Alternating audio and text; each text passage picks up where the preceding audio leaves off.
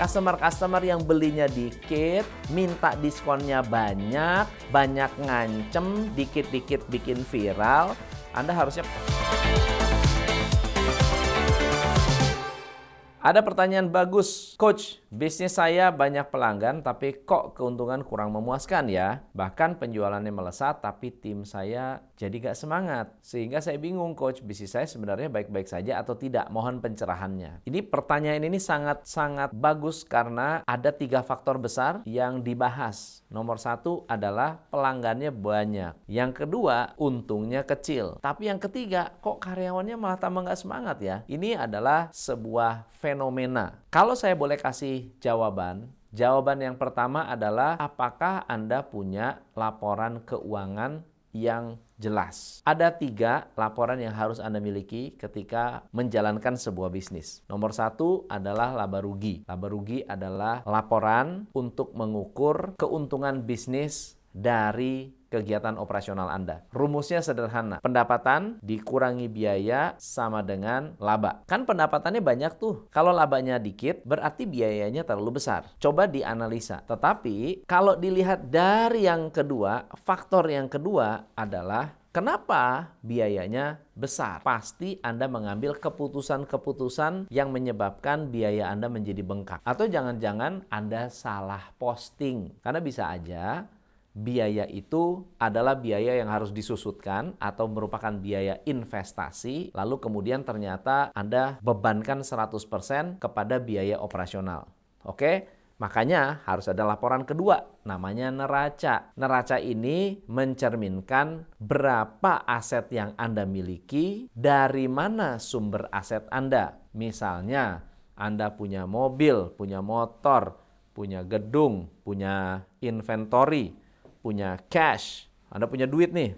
Aset semua kan? Pertanyaannya, dari mana uangnya? Apakah dari pinjaman atau kantong sendiri? Kalau pinjaman berarti hutang, kantong sendiri berarti equity. Kenapa kita perlu tahu? Karena bisa jadi Anda membeli aset atau membeli inventory, kemudian biayanya 100% dibebankan di biaya penjualan Anda atau di biaya laporan laba rugi. Padahal seharusnya misalnya saya beli motor, beli mobil, beli komputer itu semua harusnya disusutkan sehingga laba Anda tidak terlihat kecil. Oke, jadi saya nggak bisa menjawab alasan kenapa profit Anda kecil walaupun penjualannya bagus, customer bertambah banyak. Nah sekarang laporan yang ketiga namanya cash flow statement. Cash flow statement mencerminkan tiga keputusan bisnis. Satu, keputusan bisnis Anda yang menghasilkan cash flow operation. Yang kedua, keputusan bisnis Anda yang menghasilkan investing cash. Dan yang ketiga adalah keputusan keuangan Anda atau keputusan Anda yang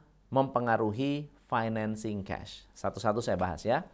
Operating cash artinya Anda mendapatkan cash flow dari kegiatan operasional. Kegiatan jual beli, customer bayar piutang, Anda membayar supplier untuk operasional, bayar gaji, dan seterusnya itu semua masuk ke operating cash. Yang kedua adalah investing cash, kalau Anda beli aset atau Anda jual aset. Dan yang ketiga adalah financing cash. Financing cash itu artinya Anda dapat pinjaman bank atau bayar hutang bank atau Anda bayar dividen. Itu yang disebut financing cash. Nah, apa hubungannya dengan laba? Coba dilihat kemungkinan keputusan-keputusan Anda dalam operating cash. Jadi, laba tadi itu ternyata tidak cocok dengan uang masuk Anda. Jadi bukan labanya saja, tapi juga nggak ada duitnya. Karena ada banyak bisnis labanya gede, tapi nggak ada duitnya. Itu juga kan menyeramkan.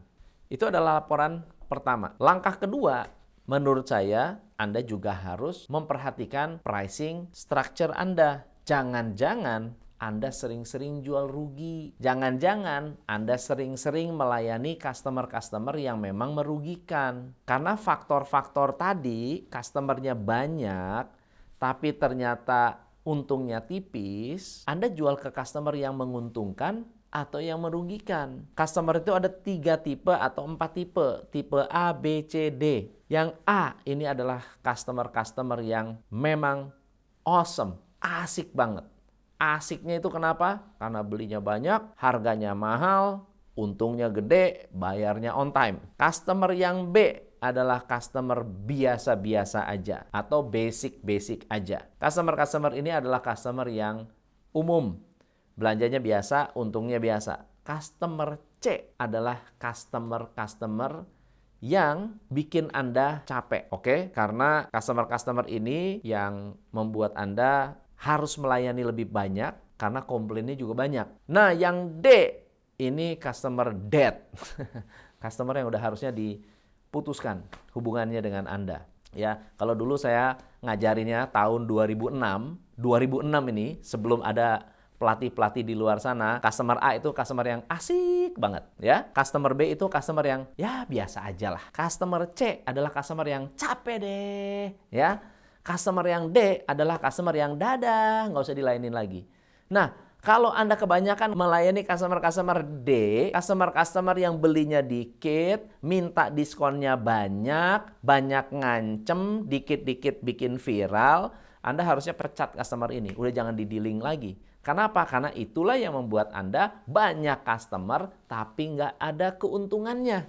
Yang ketiga, setelah Anda menganalisa customer Anda, profitability customer Anda. Yang ketiga, coba perhatikan produk mix Anda. Bisa jadi karyawan Anda mau gampang. Maunya apa? Jual produk yang murah, marginnya tipis, muternya cepat. Itu pikiran customer karyawan kita, arang sales Anda maunya pokoknya kita jual barang yang cepat laris. Padahal yang cepat laris belum tentu yang marginnya paling bagus. Kadang-kadang kita harus juga memikirkan gimana caranya jual barang yang memang marginnya tinggi, bukan hanya cepat laris. Nah, coba dipikirkan. Saya kembalikan ke Anda, semoga belajar sesuatu dari pertanyaan ini. Dan kalau Anda belajar sesuatu, komen di bawah apa pelajarannya. Saya Tom MC Ifle, salam pencerahan. Hanya di Top Coach Indonesia.